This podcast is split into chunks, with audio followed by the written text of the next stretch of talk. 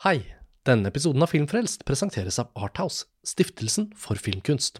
I 30 år har Arthouse reist rundt på filmfestivaler og håndplukket fantastiske filmer fra hele verden, som vi i etterkant får se på kino her hjemme i Norge. For eksempel Bong Yon-hos Parasitt, Celine Siammas Portrett av en kvinne i flammer og Michael Hanekes Amor. Og i fjor sikret Arthouse seg iranske Pana Panahis veien videre på filmfestivalen i Cannes. Og denne filmen har norsk kinopremiere 29. april og vises over hele landet i tiden fremover.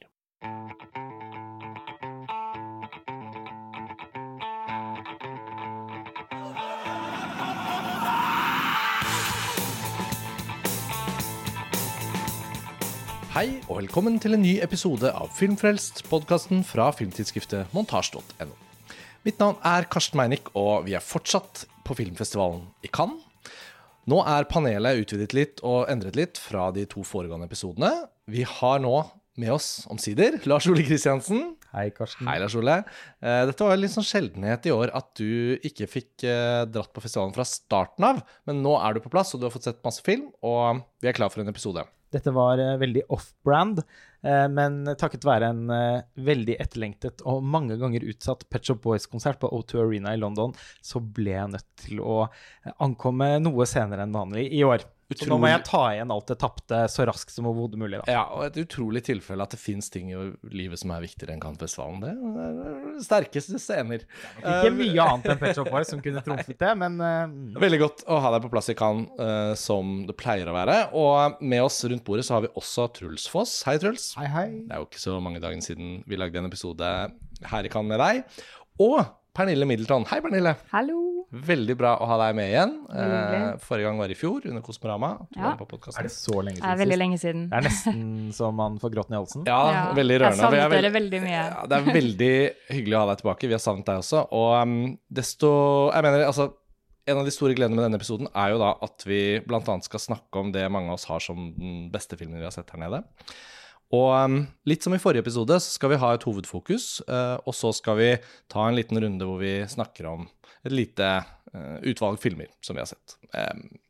Men filmen som står i hovedfokus i denne episoden, det er en debutfilm som vi har sett i Kritikeruken. Det er en film som heter After Sun, regissert av Charlotte Wells, som er en skotskfødt filmskaper som har gått på filmskole i New York bl.a. og laget en rekke anerkjente kortfilmer.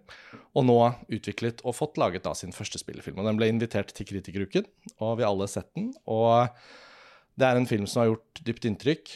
Og før vi snakker om den, så tenkte jeg å si at mye av det vi kommer til å fortelle, er at filmen er helt i særklasse den største og viktigste oppdagelsen vi har gjort her nede.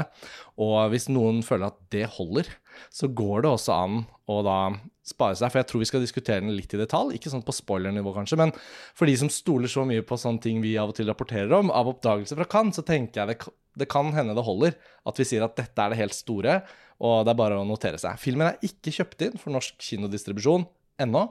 Så nå som vi lager denne episoden, så håper vi også at vi kan sette litt fokus på en film som nettopp fortjener å gå på kino i Norge. Da. Så eh, hvor skal vi starte? Charlotte Wells eh, er et helt ubeskrevet blad for oss alle, men filmen er blitt produsert av uh, Barry Jenkins og hans uh, produksjonspartner Adele Romansky, som jo blant annet da vant Oscar for beste film for Moonlight, Uh, og de har jobbet sammen, de to, tett og fått et produksjonsselskap opp å stå som heter Pastel. Og British Film Institute har vært veldig opptatt av denne filmen og snakket om den i forkant av Cannes. IndieWire på sin podkast var sånn Vi tror denne Charlotte Wells-filmen kanskje er noe. Så det har liksom ligget litt i kortene. Og jeg syns også det har vært en veldig bra utgave av Kritikeruken. Jeg skal ikke begynne å snakke om alle de andre titlene, men det jeg har sett, har vært veldig bra. Men Aftersun, den um, må vi liksom sette litt sånn rammene, da. Altså, Pernille, kort, hva er, eh, hva er settingen for filmen? Settingen er jo veldig enkel og kan summeres opp i bare noen få setninger. Uh, vi er med på en ferietur til Tyrkia. Eh, det er en far spilt av Paul Mescal, som mange har sett i serien Normal People, som ble en enorm hit. Eh, jeg så også den serien og syntes han var veldig god, så det var egentlig min hook til å gå og se denne filmen. Mm. Eh, For jeg så den veldig tidlig i festivalen og tenkte liksom ja, ok, han er en kompetent skuespiller, se hva det er, liksom. Så det var også litt deilig å gå inn i filmen uten for høye forventninger. Mm. Han er på ferie med datteren sin, som er ti år gammel. Hun skal fylle 11, og han er 30 og fyller 31. Så det er jo eh, det blir jo misforstått som at hun er søsteren hans og sånt. Fordi Ja, han er en sånn unormalt ung far. Mm. Eh, og de har et eh, distansert forhold. De bor ikke sammen. Han bor vel i et annet land. Det blir ikke sagt helt hvor han bor. Men hun bor da i Edinburgh med moren sin. Og så virker dette som den årlige tradisjonen at de to får en sånn liten getaway for å beholde det far-datter-forholdet. Mm. Og det er premisset, liksom. det er premisset. Eh, Jeg syns jo det i seg selv, da jeg leste det kort, bare tenkte at oi, det er en film jeg ser for meg at jeg har lyst til å se. Mm. Eh, og så kan man jo frykte at en sånn debutfilm da har en del sånne skavanker og sånn, men at det er gøy å få være med på ferie med disse to, og sånne feriefilmer, sånn sydenfilmer nesten, kan man si. Mm. Eh, det er liksom nesten en sånn liten subsjanger. Jeg tenker på den første filmen til Joanna Hogg, eh, som fortsatt er liksom blant ens beste. Um, og Holiday til Isabella Eichler. ja, skulle til å si det, ja, nettopp. Uh, og liksom Morven Color til uh, Altså, det er noen sånne Lynn Ramsey. Men det er noen sånne filmer som, som gjør dette, da. Og en annen ting er jo at dette er jo da satt til eh, 90-tallet. 90-tallet. Lite sånn periodeelement der også. Som også er veldig gøy, fordi det fikk jo meg til å tenke på da jeg var på de lignende sydenferier. På Bamseklubben, Starttur, under, kveldsunderholdningen fra reiselederne. Ja, Det var ja, veldig ja. on point. Ja, veldig nært på. Og um, Og understreker at det er noe selvbiografisk her, da. ja. Hun regissøren er jo født i 1987, og så de fleste av oss her nå har jo liksom vært i den alderen hun var. Liksom, Elleveåringen i filmen er jo når vi var elleve på 90-tallet. Altså, jeg er og- født i 86, Nei, tidlig og 2000-tallet. også. Ja. jeg dro straks kjensel på eh, låtene som ble spilt i bakgrunnen. F.eks. My Oh My til Aqua, som var enorm for meg. Eller, det var, Ja. det var et særlig sterkt øyeblikk, følte jeg også, fordi det er, som, det er jo mange Aqua-låter. Men at det var liksom akkurat den. Ikke sant? Det var ikke Barbie Girl. Nei. Altså, nå er vi, nå er vi da litt eldre enn hva faren er i filmen. Mm. Så det er, liksom, det er to plan der som er veldig interessant når man ser den. Det blir veldig sånn generasjonsspesifikt, da, men det er eh, Ja, det er interessant. Ja, ja, og filmen er dypt rørende, og den er veldig sofistikert og spennende laget som film. Så jeg føler jo vi må bare liksom kaste oss inn i det her. Men jeg tenker at et sted å starte er jo da fra det vi nå har fortalt litt, at Paul Mescal uh, er jo noenlunde mm, sånn nytt navn, egentlig, men han har liksom en sånn veldig sånn brå popularitet fordi utrolig mange mennesker så Normal People. Og så er han også i en annen film her. Også nettopp så Han hadde akkurat vært i den God's Creatures til um, Anna Rose Holmer og uh, Sayla Davis i Kenzen. Og så kom han i den også, så det har liksom vært litt sånn Paul Mescal-festival. Og hun um, Frankie Curio, tror jeg hun heter, hun jenta som spiller Sophie, da, er også veldig bra her. Så det er på en måte det tar bare noen minutter, eller egentlig sekunder av filmen, før man føler at man er i trygge hender. Og det aller første vi blir møtt av, er jo da eh, DV-video. Aller først så hører man den kassett, eh, automatiske kassettholderen i et DV-kamera fra 90-tallet, når den åpnes og skyves ut av kameraet, sånn at du kan sette i og ta ut en kassett.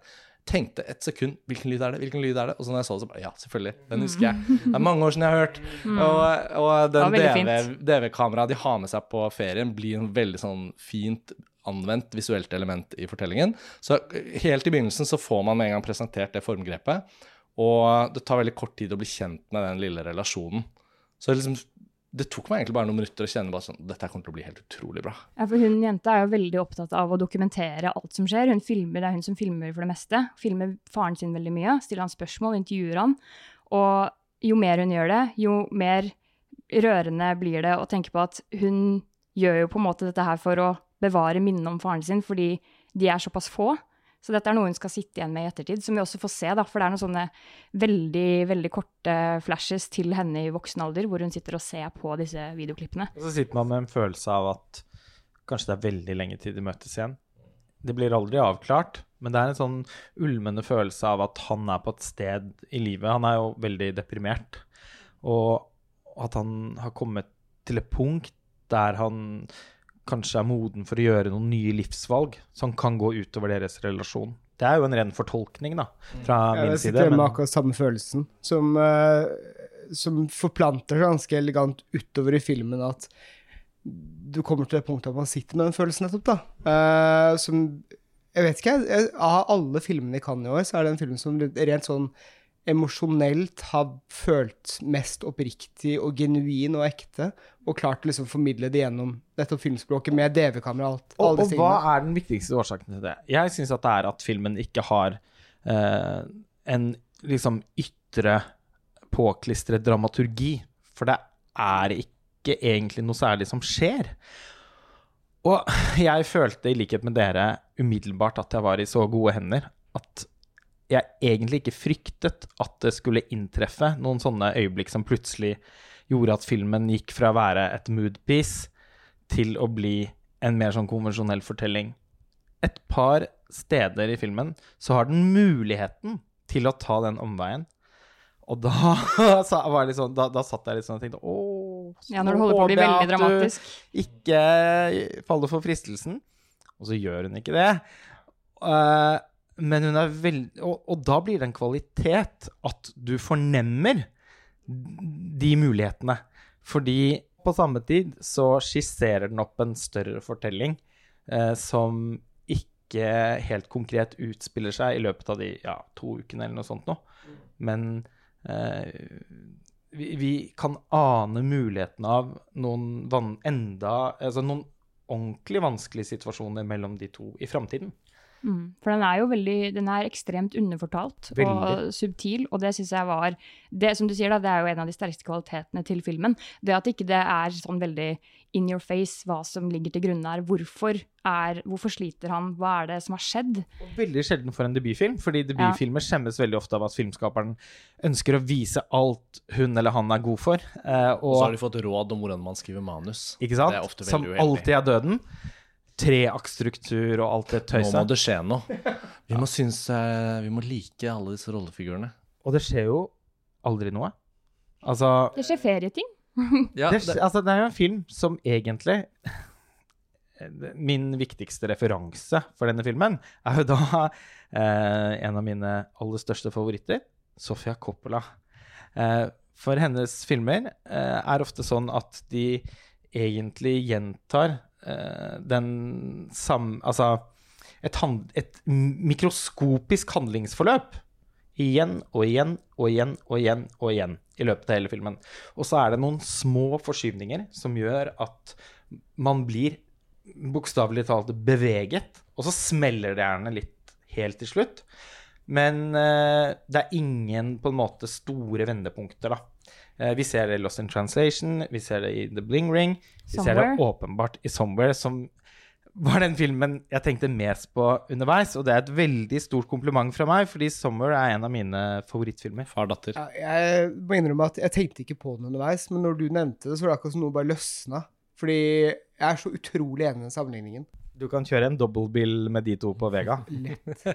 Ja, og det, og, det, og det er en annen ting med dette med dramatikken, som jeg tror du var på vei til å si nå i stad, Pernille, det var jo at i det at den liksom ikke har sånne store dramatiske punkter, sånn som vi syns er så utrolig kjedelig konvensjon, egentlig, med dramatisk film, hvis ikke det er laget på et ekstraordinært høyt nivå. Det er jo så lett å bli avslørt hvis du ikke er god nok. Så det er sånn, å, er bare sånn klassisk dra dramating eller manusting som skjer nå.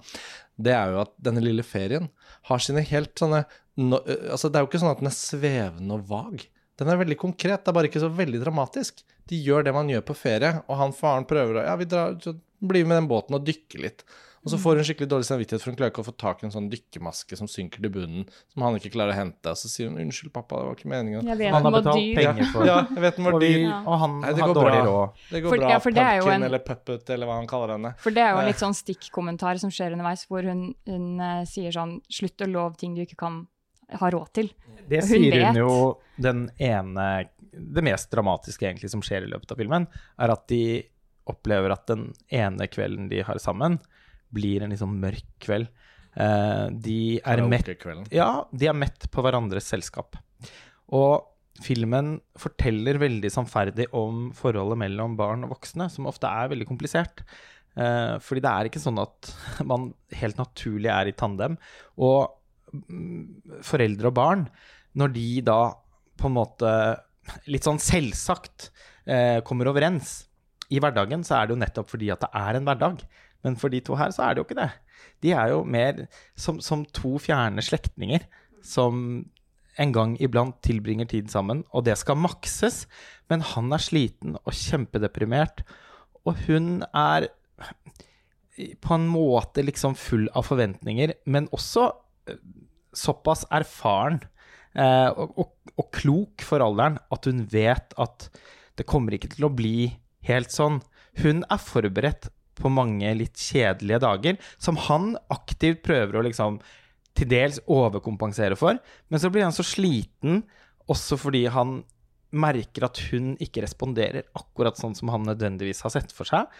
Og så blir det bare eh, mange eh, situasjoner hvor begge to sitter og liksom bare prøver å gjøre sitt beste for at det ikke skal føles kjipt. Og nettopp derfor blir det så vondt, da. Det er en kjempetrist film. Jeg satt med en sånn tung, trist følelse gjennom hele filmen som skar skikkelig dypt, nettopp fordi det ble ikke gjort noe stort poeng ut av.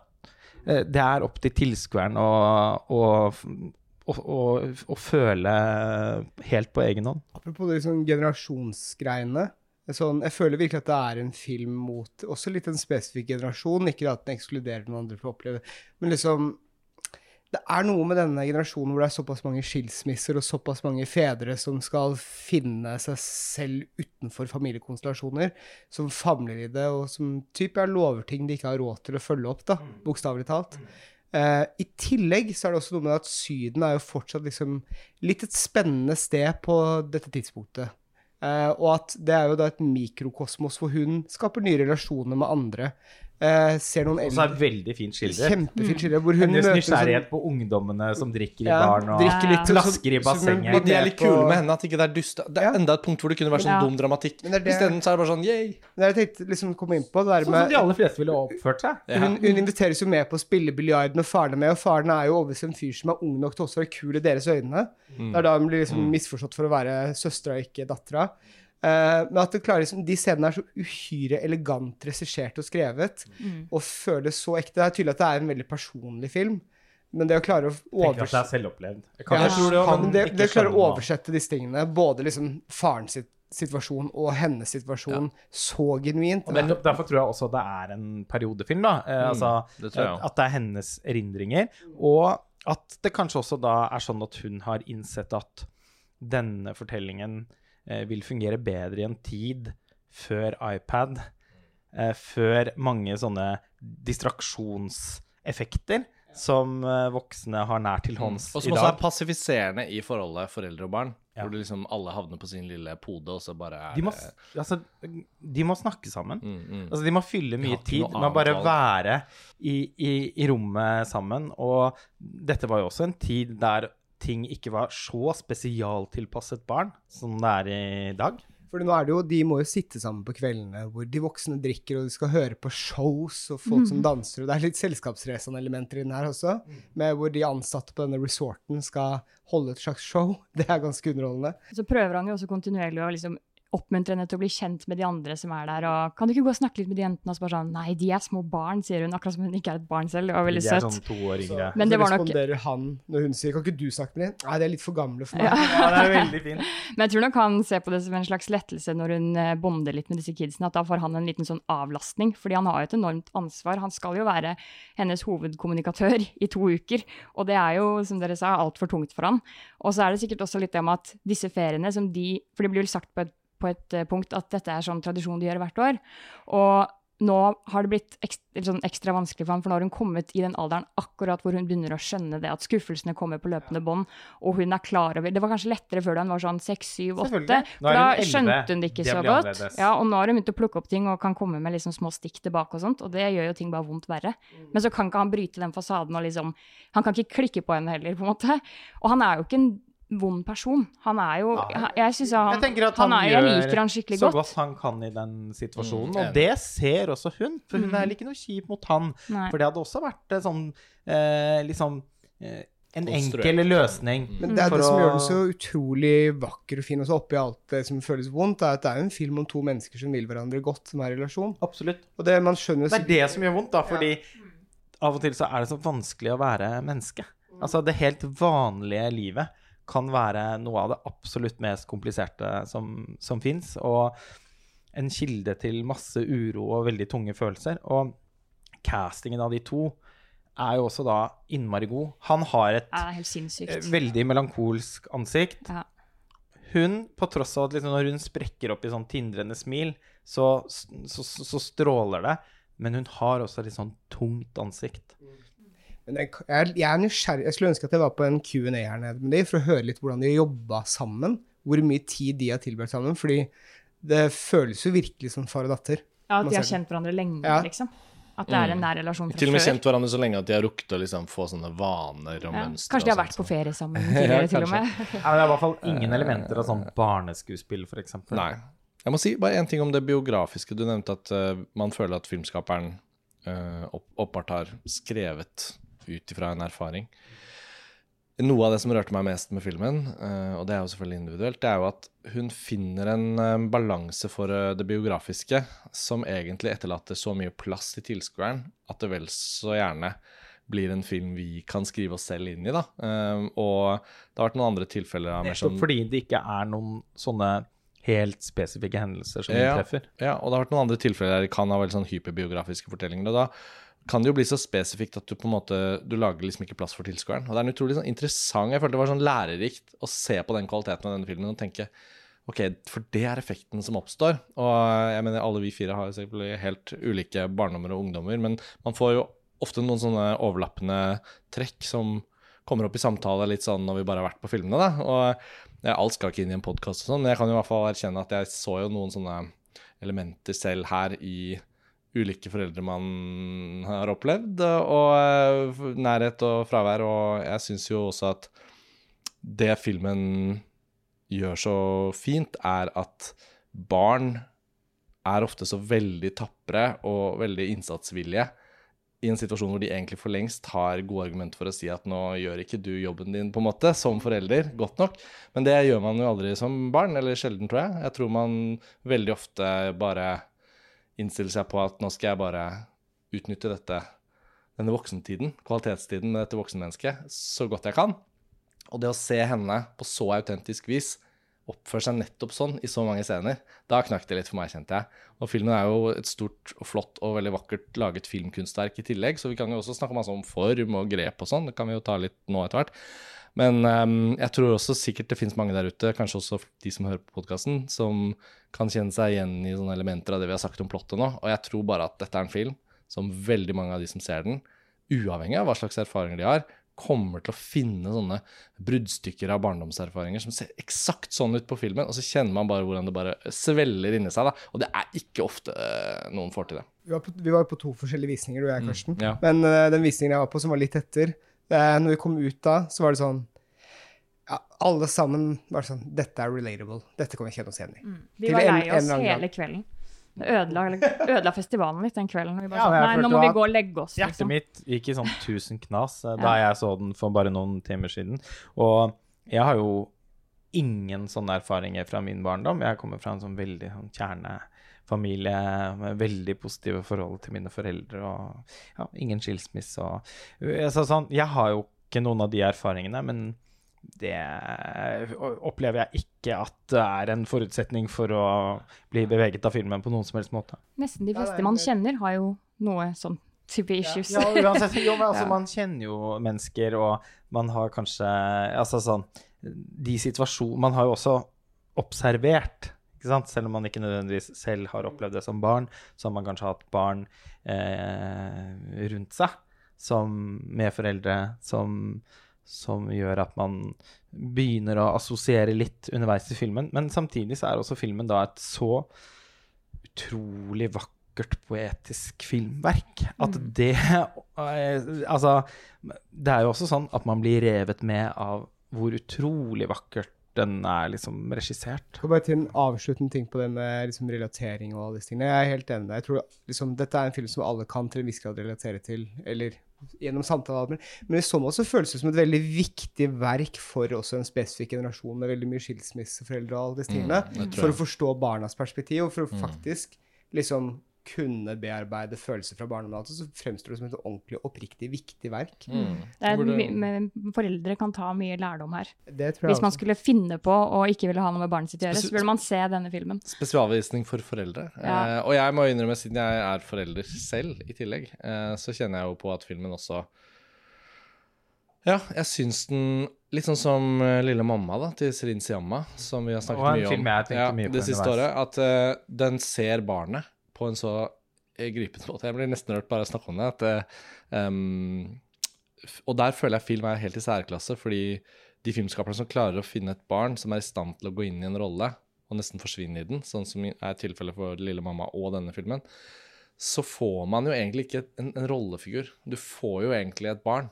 Fordi det derre filteret er heldigvis ikke på plass ennå. Og sånn sett så er jo hun Sophie i denne filmen er jo da akkurat ung nok til at hun ikke har begynt å bli sånn selvbevisst ungdom. Og den derre klare, rene linjen gjennom bildene til henne, den føles bare sånn helt sånn verdifull og unik, og liksom man liksom passer på. Uh, ja. Og så er det noe med forholdet mellom barn og foreldre som, som er en kilde til sårhet for alle. Mm. Eh, og det er jo, blir jo helt enestående eh, diskutert i Lille mamma til Celine Siamma. Eh, kommer aldri til å glemme den scenen der eh, eh, Den lille mammaen i filmen eh, sier til datteren sin at det er ikke du som har forårsaket min tristhet. Det er ikke du som er skyld i det. Men vi ser jo i den filmen at den tristheten går i arv. Det er jo ikke sånn at vi tar med oss så mye fra foreldrene våre. Det tar bolig i oss. Og vi Det er jo en veldig vagt risset opp rammefortelling her, der eh, en skuespiller som da åpenbart på en måte er hun regissøren, tenker jeg, framstilles i noen scener eh, litt sånn abstraherte, der hun erindrer sin barndom. Mm. Det fins jo et nåtidsplan slags, Ja, men ikke med plott. Men bare glimtvis. Ja, glimtvis. hvor hun åpenbart også bærer på noe tungt, da. Og det ser vi også at faren hennes i filmen gjør. Så vi, vi ser også Altså, det antydes, da, at eh, de er, At de har noen veldig sammenfallende personlighetstrekk. Mm. Apropos det, det likte jeg også veldig godt, at de få sekundene vi ser av henne som voksen, altså de bildene er liksom, i tillegg til at de er veldig mørke, og hun sier liksom ingenting, vi, vi blir jo ikke egentlig kjent med henne som voksen, men det er så lite som skal til for å fortelle at det fortsatt henger igjen i henne som voksen. Og det er jo bare så enkelt som at en ekstremt enkel scene mot slutten av filmen, hvor hun bare sitter og faktisk ser på disse videoene. Og, Selv har blitt mor. og selv har blitt mor, ja. Og det er så jævlig fint og utrolig subtilt og bare sånn Det går raskt forbi, men det er alt vi trenger for å skjønne det. Overgangene mellom disse tidsplanene og sånn er altså så vanvittig elegant gjort. Mm. Det er så mange eh, liksom, audiovisuelle grep i den filmen som er verdt å ta i nærmere øyesyn. Masse spennende lyddesign, bruk av eh, eh, over... Altså man For eksempel så gjør hun et gammelt Robert Altman-triks, nemlig at hun fletter inn eh, samtaler fra eh, helt sånn perifere eh, figurer flere meter i, bakover i bildet, eh, som på en eller annen måte da kommenterer noe av situasjonen som, som eh, barnet og faren er i. Altså, blir altså det, er så mye det er så gjennomarbeidet og overskuddspreget. Det er rart å omtale en så melankolsk film som leken, men den er faktisk det. Har den, eh, I det lekenheten med lyddesignet, så er den også i forhold til det Vi snakker om erindring av barndomsminner om å være i Syden. eh, Lyden av bølgeskvulp eller gresshopper og alle de tingene er liksom så eh, godt planta inn og skrudd opp og balansert også, at det, liksom, det er litt den følelsen av når man var ung og oppdaget disse tingene for første gang. Sånn, Oi, shit. Ja, og så bestiller hun seg vel en sånn Fanta Lemon eller hva det er på et tidspunkt der. Og sitter paraplydrink. Ja, med sugerøret nedi der, og så er det jo dette det, det morsomme øh, En annen ting som er så beundringsverdig tilbakeholdt, men så veldig effektivt når hun bruker det, er jo uh, spillelistemusikk, holdt jeg på å si. Altså, hvor mye 90-tallsmusikk kunne hun ikke mokka inn i denne filmen, bare fordi hun hadde lyst? Og så isteden så holder hun såpass tilbake at når det da kommer Det er jo en liten runde med Macarena, som, det, som de mm, hotellansatte der eh, Chumba. Wumba, Ja, Chumba. Wumba dukker opp der, og det er um, den Aqua-sangen du nevnte. Og så underveis ikke, my. ja, og ikke så 90-talls uh, nødvendigvis, uh, så kommer det jo en sånn utrolig musikksekvens på slutten, hvor hun har tatt Under Pressure uh, med David Bowie og er det Freddie Mercury? Er det ikke? Ja. Som um, kommer på, og så tenker man bare åh, nå kommer det en sekvens, liksom. Nå kommer det en montasjesekvens. Men så er den i tillegg da brukt med stems, sånn at i lydmiksen så gjør de om sangen og går over til bare Hadia, altså bare sangteksten, liksom. Det blir nesten Selve sånn noise med Ja, teksten. det det, blir, det blir som sånn Det var så vakkert. Jeg, måtte ikke, jeg, jeg prøvde å ikke si det til, for jeg så det på den første morgenvisningen. Den der. Jeg tenkte dette er så stort at jeg må passe på ikke si det til noen før folk har sett filmen. For det å bare vite at den bare kom, da Ja. Ja, nei, det var- pris på det i etterkant. Da. ja, men, um, men uh, sånn som det strobely... Så Pernille, den derre strobelyseffekten på det flashback-greiene og de tingene Ja, der hva Det var veldig interessant. Det var veldig kult, for fordi det er, det er jo en måte hvor hun veksler mellom da og nå. Fordi du ser jo pappaen danse på en klubb fordi hun har lagt seg, og så får han utløp for ting ved å bare gå og slå seg litt løs på et dansegulv. Og så i, i strobelyset så plutselig så veksler det over til at du ser hun som voksendanse. Mm. Så ja, jeg vet ikke, hun lever liksom litt Ja, videre tenk- gjennom han. Og så mange ganger vi har sett det tradisjonelle flash forwards eller backwards, og det bare er sånn standard, eller det er til og med sånn uh, dip to white med lydeffekt under, eller sånn teiteste måten å gjøre det på. Er, jeg syns det var en av de vakreste måtene å skape et sånt eh, For det er veldig flashback-aktig konseptuelt. Det kunne Ja. fort føltes litt sånn studentfilmaktig ut, men så er det liksom Unngår alle de fellene der, da. Ja, det ble ikke eksamensfilm fra Den norske filmskolen. Og det at det skjer i strobelys òg, er jo også at du ser jo ikke henne så godt i de klubbscenene, så du vet jo egentlig ikke helt sikkert at det er henne Nei. før du vet det. Nei, nei, nettopp. Den, er, den klarer å skape en antydende Det blir sånn, Hvem er hun her? Er det en han skal prøve å Ja, ja, ja. sjekke opp? Nei da. Vi pleier jo alltid på disse podkastene å snakke om eh, sånne trender i Cannes. Og karaokescener har det vært eh, flere av. Til og med for meg, som bare har vært eh, liksom to-tre dager på festivalen, så har det så langt vært eh, tre relativt slående karaokescener. Ja, vi har faktisk rukket å ha den samtalen, og det føler jeg vi må dele med lytterne da. At vi har allerede hatt den muntlige versjonen. Ja, hva er topp tre karaokescener i årets Cannes-type? Eh, og, og da du nominerte at dette var vel årets beste karaokescene, så visste jeg jo at du skulle inn og se After Sun, så da måtte jeg eh, app, app, app, um, Vent til du har sett After Sun. ja, du sa den prisen er allerede delt ut. Ja, uh, Fordi den jeg tenkte på, det var da uh, to Ori og Lokita ja, til Dardem-brødrene, Mm. som har en særdeles gripende karaokescene. Eh, men eh, ingen tvil om at Sophies eh, framføring av REMs 'Losing My Religion' Ja, det Altså. Det er så mange gripende scener i denne filmen. Jeg vet ikke, Vi kan jo bare fortsette å ramse det opp, men det er jo på en måte Ja, det er jo selvfølgelig Oh. hører til Syden, og det hører til Og hun bruker det da for maks effekt nettopp fordi Sophie, da uten å varsle faren, har meldt dem på. For hun regner med For dette gjør de jo hvert år. Hun har, det er jo så mange nettopp ned, liksom nedtona, utrolig kraftfulle scener som er sånn For min del så var det som å trykke på en brø, bryter, og så kom tårene med en gang. Det var ordentlig den der sånn kjenne i magen. Ja, altså, jeg, jeg var så mye rørt under den filmen at jeg nesten ikke Og Men hva er nummer, hva er nummer tre på disse karaokefilmene? det Ja. må jo da nesten Five nei, Ja, for det må være The Five Devils til Lea Mysius med Adele Exarchopoulos eh, på scenen.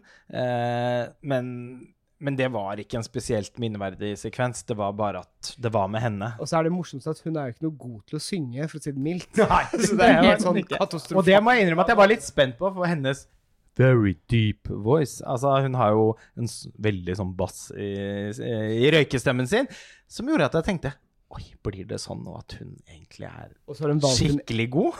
litt Men, dårlig eh, engelsk, eller ganske dårlig engelsk, og skulle eh, synge på engelsk òg. Kanskje var det bare i spill at det skulle være dårlig, men ja jeg, Lytterne har jo ikke da fått med seg at vi da, eh, mellom slagene her i Cannes, har blitt enige om at denne Lea Mysius-filmen i Kanzan, The Five Devils, den har ikke vært en vellykket eh, film. Den har fått litt velfortjent kritikk. Ikke, ikke spesielt vellykket. Vi får vente og se om Lea Mysius blomstrer til å bli en stor autør. Eh, Det er en ganske svak film. tro ja, på filmen. Vi hadde jo det. Vi har jo nevnt den litt på montasje og tenkt at den blir en av årets uh, mulige sånn uh, steg to-oppdagelser. da. Mm. Uh, fordi Ava til Jeg Mysius i Kritikeruken for noen år siden den var også en film med svakheter, men mye lovende greier.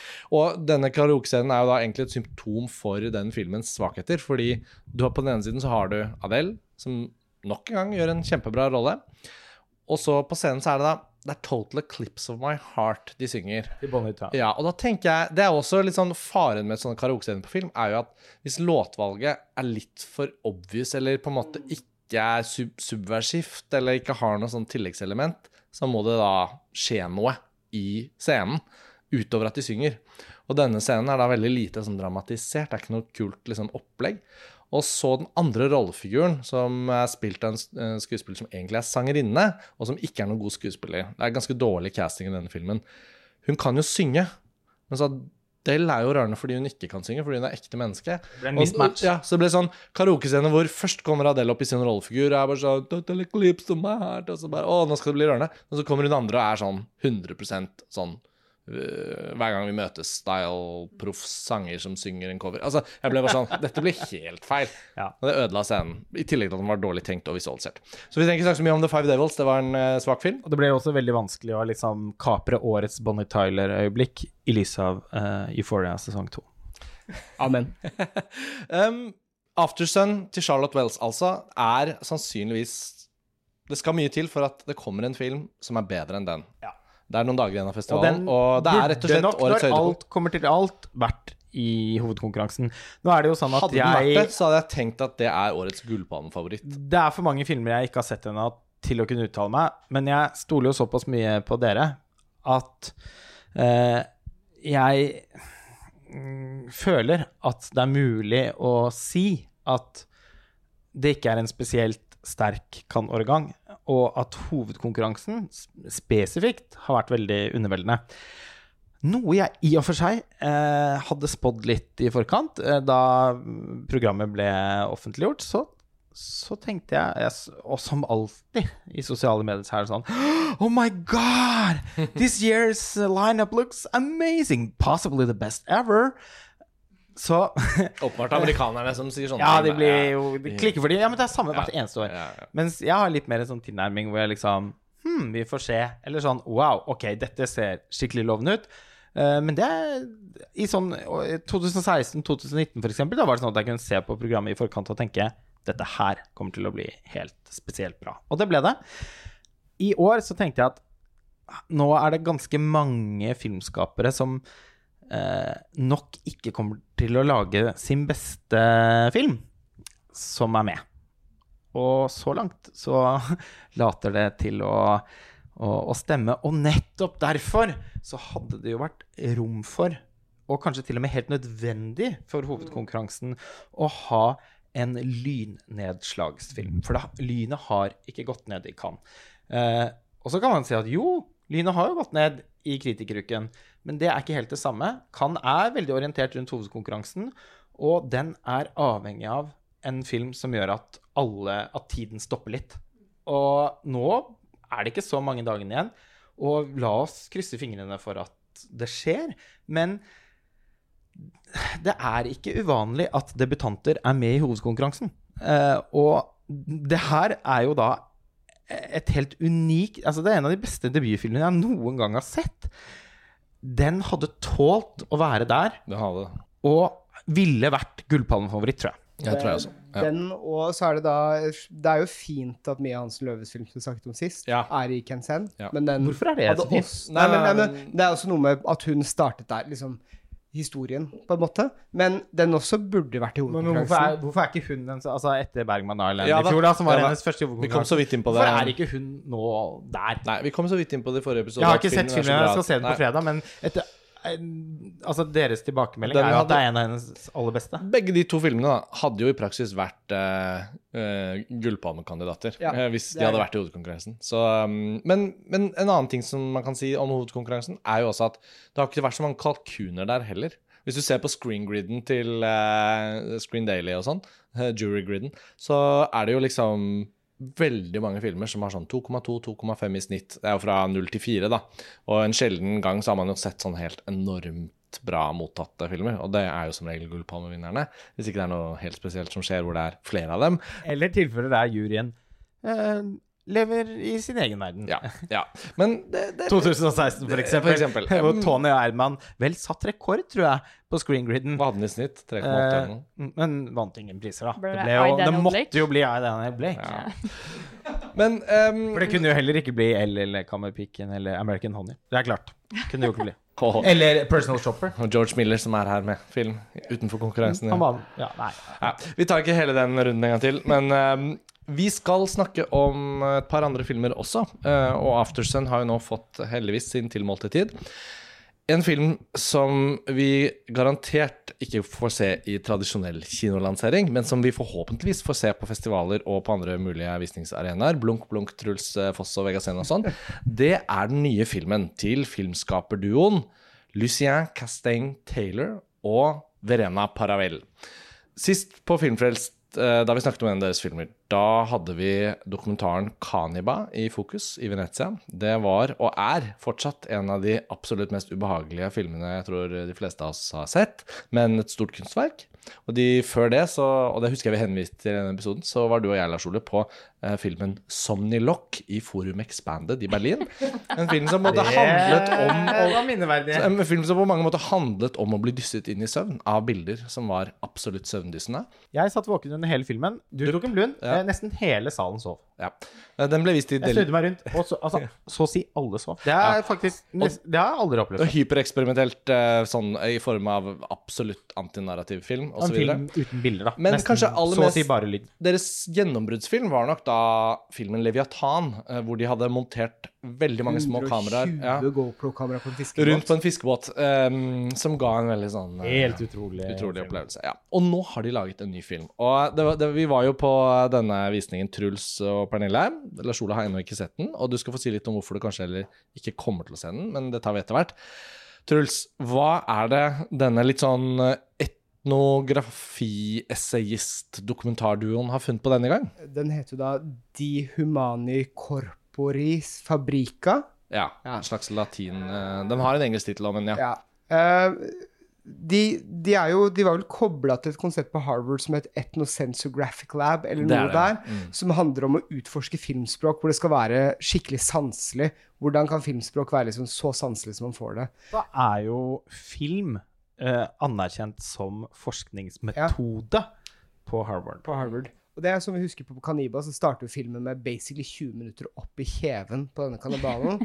og denne filmen så er det da inn i kroppen, ikke på utsiden. Ja. Så det er Jeg vil si at uh, filmen handler om kroppen som hva skal jeg si for noe, en slags bedrift seg selv, og alle de bedriftene rundt kroppen som tar vare på kroppen, med leger og sykehus og alt sånt. Og så er det en film i stor grad skutt gjennom koloskopikamera koloskopikamera, kikkhullsoperasjoner, eh, hvor vi, vi får være med noen leger på basically operasjoner, alt fra prostatakreft til keisersnitt. Eh, til, ja, Det er hjerne. hjerne- hjerneoperasjon. det starter med en Første er hjerneoperasjon. hjerneoperasjon. Mm.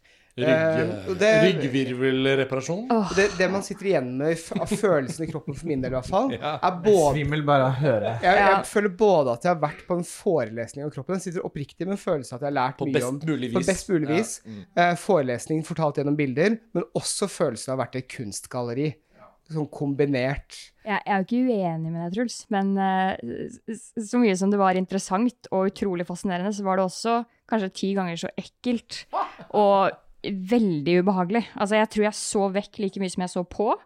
Og det som kanskje gjorde det mest interessant, da, inni ekkelheten, er at når du starter en sekvens inni kroppen, i et eller annet organ, så tar det litt tid før du vet hvor du er. Og Fordi går de går ut, du blir med da kamera i denne tynne slangen inn i et eller annet, så roter de litt rundt. Det er litt sånn voldsomme med noen klyper og sånn Ja, som det- river det i er vev. sånn Det er vevsprøver. Ja, det er er Da vevsprøver du går inn med koloskopikameraene, og så har Ja. de små sånn klypene ser ut som noe som er fra Matrix, Re og fra, fra Ja. Matrix Reloaded, liksom. Ja. Sånn klype som napper ut et lite Ja, altså, stykke inn i kroppen. Ja, de, de ser ut som sånn, litt sånne tannete klyper som du har på votten i barnehagen for at den ikke skal falle Ja. av. Når du, altså, Det sånn, sånn. det er litt sånn. Men eh, de er jo selvfølgelig mindre i virkeligheten enn de ser ut på det store lerretet, da, fordi de, kameraene får jo ting til å se enda større ut enn det egentlig er. Men Men vi fikk jo se det jævlig Ja. svært. altså, jeg syns dette var en helt utrolig film. Det er en av mine favorittfilmer i Ja, festivalen. ja, ja. Bare sånn at vi får sagt det også. Altså sånn, en, en enorm og unik, original og helt enestående filmopplevelse. Og selvfølgelig er det mange som får helt sånn mark i setet av å sitte og se det, er fordi vi er uvant med det, og det kommer nært på oss, bokstavelig talt. Vi har alle kropper, og vi er alle bekymret for å bli syke og, og, og sånn. Men det er nå engang sånn at når man først lar seg liksom koble på, så er det jo helt enormt lærerikt og fascinerende. Og jeg, jeg, jeg kom ut av filmen med en helt sånn ny forståelse. Samme, Litt mer er enn den derre Hva heter den jakten på nyresteinen'? Altså, Ja. så er også en sånn det, er, det er også en lettelse, fordi filmen går jo fra at eh, disse legene er På det ene tidspunktet så er det håndverkere, på et vis, over til å bli tømrere, hvor de skal sette inn en ny ryggrad i en person. ja, og det er Eh, et nivå er- til. Jeg tenker det er sånn ikonmalere i hjernen. Da er de veldig forsiktige. Ja. Og så litt mer håndverkere. Så du går og så tømrere. Ja. Eh, men det Den det også- ryggebiten, det var kanskje den verste. Ja. For Syns det er meg. verst? Det var Nei, altså det var mange som mer sånn opplagt verre. Men det, det var litt for fascinerende. Mens den ryggen, den da smalte litt for meg. Jeg tror- min del også. Og da var det noe brenning av bein og sånn òg. Ja, de kom inn med sånn sviverktøy. Og, og altså Det er snakk om en ung, det er, det er snakk om en ung fyr da som rulles inn, bare for å si Ja, bare for å si Bare for å, ødelagt ja, bare for å For dere fortelle har prøvd å lokke meg, men nå måtte dere være ærlige, fordi det Det er podcast. det Dette kan jeg ikke se. Nei, det rulles inn en ung mann på, på operasjonsstua. En sånn, så han sier han er sånn 1,22, om han har skata eller stått på ski eller noe har skjedd med ryggen hans, i hvert fall. Og så rett på narkose, da. Og så ligger han sånn opp ned, sånn hodet ned, ikke sant. At de får ryggen opp. Og så først når de klipper til, for da Vi får ikke se at ryggen åpnes. Den er plutselig bare åpen. Og da strevde jeg et sekund med sånn hvor, hvor, er vi nå? Altså, er det rygg? Er det lår? Er det, hva er det vi ser på? Og så skjønner man jo, så plutselig har de hammer og meisel. Og så hakker de løs ribbeinene fra ryggraden. Fordi de kan ikke få gjort noe inni der uten å få kvittet seg med litt ribbein. Og det er bare sånn så bare Det er- smekker de ut som sånn flaskekorker. Men det er også det, det som er Jeg har man- faktisk sett en sånn riggeoperasjon Ja. ved et uhell på TV en gang. Det fins jo mange sånne medisinske programmer, og har Ja. man først eh, festet øynene sine på noe der, så er det ikke så lett å slå av med en gang, fordi man også blir litt sånn tiltrukket av det groteske. Men jeg, jeg har minner om at det var mm, som om noen Ja, som som slo løs med hamre, ja. Ja. Da husker jeg også at jeg så at de spratt opp ryggen, Ja. som det heter. Ja, ja. Det er det de pleier å si. Det sa de, husker Ja, jeg. De sier opp, ja. skal vi ta oss og sprette den opp, da? Og det er jo en greie på YouTube, og jeg vet at det ligger masse sånne operasjonsvideoer og sånn der ute, men den kunstneriske behandlingen her er jo faktisk av stor betydning. Det er ikke bare de bildene. Nei, det er det. Og så vil jeg si det, er, du, det blir jo et eksistensialistisk lag der, og det å være menneske og være også At kroppen er et maskineri, som mm. ligger i tittelen også. Og som tåler litt. som tåler litt, men det er det som gjør det så godt. også, at Man ser at de går inn og fikser det. Litt som at det er et gammelt hus de pusser opp og fikser litt på. At liksom det, det sitter en følelse igjen etter å ha sett filmen at liksom Ho, jeg er glad vi har disse legene. Mm, altså. Man er i gode hender. Ja, fy søren. Det, og til og med så er det jo da litt humor i filmen. Fordi noe da, en ting de i tillegg har gjort, da, er at i flere scener når vi er på kikkhull inni, så har de laget sånn lyddesign hvor det er litt sånn dumplyd. ikke sant? Noe fra rommet ved siden av eller en, bak en vegg, men du kan likevel høre det.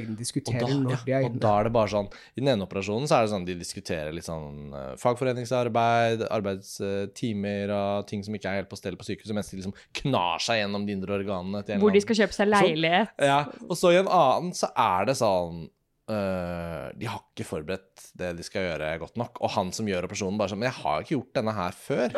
Nei. Eh, og, et og verktøy som faller på Et verktøy som faller på litt opp og ja, rett ned. Verktøy som faller på gulvet og sånn. Nei, falt den på gulvet? Har vi en til av den? Nå er, uh, nå er det blødning. Suction, please. Og så, Ja. så, det er en som knekker et rør i to for å få til en lengde. Da tenkte jeg oh, er det så manuelt? Det var For de må jo betryggende. faktisk improvisere litt, Ja, de også, de ja. legene. Og, og, så, og så er det, apropos After Sun, så er det også noen som snakker om ferien. Ja, ja, det er det.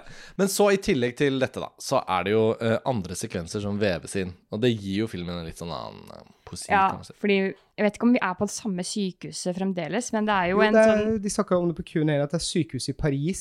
De, Hvor de også har den derre Demensavdelingen. demensavdelingen. Ja, Ja, fordi det var jo kanskje sånn, til tross for de groteske bildene vi har sett veldig lenge, så er kanskje det det verste, at vi fyller demente pasienter rundt, eller gamle folk som bare går ekstremt sakte rundt i gangene og leter etter mannen sin, og det er det de gjør hele dagen. Eller er på sånn har hengt seg opp i å si den samme setningen mange ganger. Mm, og Og skal de bryte holder- ut, komme ja. seg ut av sykehuset. Og de holder de sekvensene så ekstremt lenge, og det er veldig ubehagelig, fordi ja, nei, fins det noe verre enn tanken om å bli dement og miste seg selv? Altså, Ja, og det er jo, vi snakket jo litt om det i Mia Hansen Løve-filmen også, med den eldre, eldre faren der også, at selv om disse operasjonsbildene og kikkhullsbildene og kroppen og blod og, og forskjellige væsker som renner rundt inni kroppene våre og sånn, så var det nok nesten aller tyngst å se de lange, uklippede entagningsbildene som liksom stykker opp da filmen fra demensavdelingen. For det gir jo da også et bilde til at det vil alltid være noen som jobber inni i kroppen og opererer og reparerer, men livets slutt blir jo etter hvert også veldig sentralt for filmen. da. Ja. Vi får jo også være med ned på en sånn eh, Hva heter det der hvor de oppbevarer de døde? Likhuset? Ja, men liksom på sykehuset. Ja, kanskje. ja. Men i hvert fall det litt kjølige rommet hvor de har forskjellige døde kropper på, bortover på sånne ruller. Patologisk avdeling. Ja. Og der er det liksom Ja, der er det hverdag, for å si det sånn. Og Det det, kjente jeg smalt litt, det òg. Ja, samme smalt De her òg. kler Men på en sånn fyr at som er død, da. Husker du det fra Beck-filmene, Truls? Oljelund. Ja. Som pleier å spise matpakka mens han driver og skjærer i Her var det sånn Det er- lystig radio. Det er, en, ja, det er lystig radio, og det, det er tydelig at de to regissørene er veldig inne i sin greie, for de også så i den slutten når På den Q&A-en kom det fram at de syntes jo det var noe liksom sånn liksom forløsende, liksom lettende og fint med å være der inne. Eh, og det var litt sånn Oi, oi, oi. Da har dere vært for lenge på Ja, sykehuset. og for lenge på sykehuset. sykehuset. Men en annen ting som, eh, som er kult med filmen, er at de hadde jo utvikla noen kameraer som skulle gjøre at eh, de scenene som er utenfor kroppen, skulle på en måte speile koloskopikamera. Eh, så de har jo liksom noen rundt omkring inne i lokalene når det er en fest for noen sykehuspersonale, så følger jo kameraet en vegg med noen malerier og sånn, hvor de har fått utvikla et kamera som skal få til å se ut som en sånn koloskopikamera som følger de bildene. Så de, de har gått eh, ordentlig veggmaleri. til verks. Ja. Jeg bare legge til at en av mine sånn favorittsekvenser, da, hvis man kan kalle det det, i denne filmen, er den der Clockwork Orange-aktige øyeoperasjonen. Hvor noen har, jeg vet ikke hva det er, om det er grå stær eller jeg vet ikke hvordan det- ser ut, men det er en sånn bitte liten støvsuger som går inn i irisen og suger ut masse det, det er vel, shit. de setter vel inn en linse for å ikke kunne ha briller, liksom, for å Ja, altså, jeg ble så imponert. Det var helt sykt. Jeg visste ikke at det gikk an å gå inn en slange i øyet. Ja, Og og, at i man kommer ut av det og hele også i den prostataoperasjonen Ah, så skraper de veggene rundt omkring for noe vev, da, eller hva det er. Ja, er faktisk, der er det også litt morsomt, for der er det dialogsporet til legene Ja, på sida. De, ja, de er fascinert over hvor stor den prostataen Ja. er. uh, og, Ja, ja, og de skal få den inn i en liten pose med disse Hva heter han for ikke igjen? Er det Dr. Bongo? Eller? Ja. noe? Men og eh, hypotosakrome, som han blir så fascinert av. Som Vitenskauen. Men, men, men nå som vi har fått snakket om denne Casteng Taylor og Paravell-filmen, så bringer det oss jo egentlig til slutten av episoden. da. Festivalen er på ingen måte over, men vi nærmer oss jo. Nå som Lars Ole er på plass, så kan vi jo øke tempoet og se filmer. Du skal jo se en del ting vi har sett, eh, og vi skal se siste bunchen av filmene sammen. Og um, nå er det jo store autører på rekke og rad her. Um, så det blir jo flere episoder, selvfølgelig. Men uh, Pernille, fint å ha deg med. Håper ikke det blir like lenge til neste gang. Nei, vi får prøve på det. Truls, nå er jo du en liten sånn fast gjenganger her i Cannes. Jeg håper vi får deg med på en episode til, kanskje. Ja, veldig gjerne. Og Lars Ole, velkommen til Cannes. Nå får vi Takk for det. Nå får vi jobbe hardt med å komme oss gjennom resten av programmet. Takk for at dere hører på, alle sammen. Vi er snart tilbake med flere festivalepisoder fra Cannes. Ha det bra. Ha det.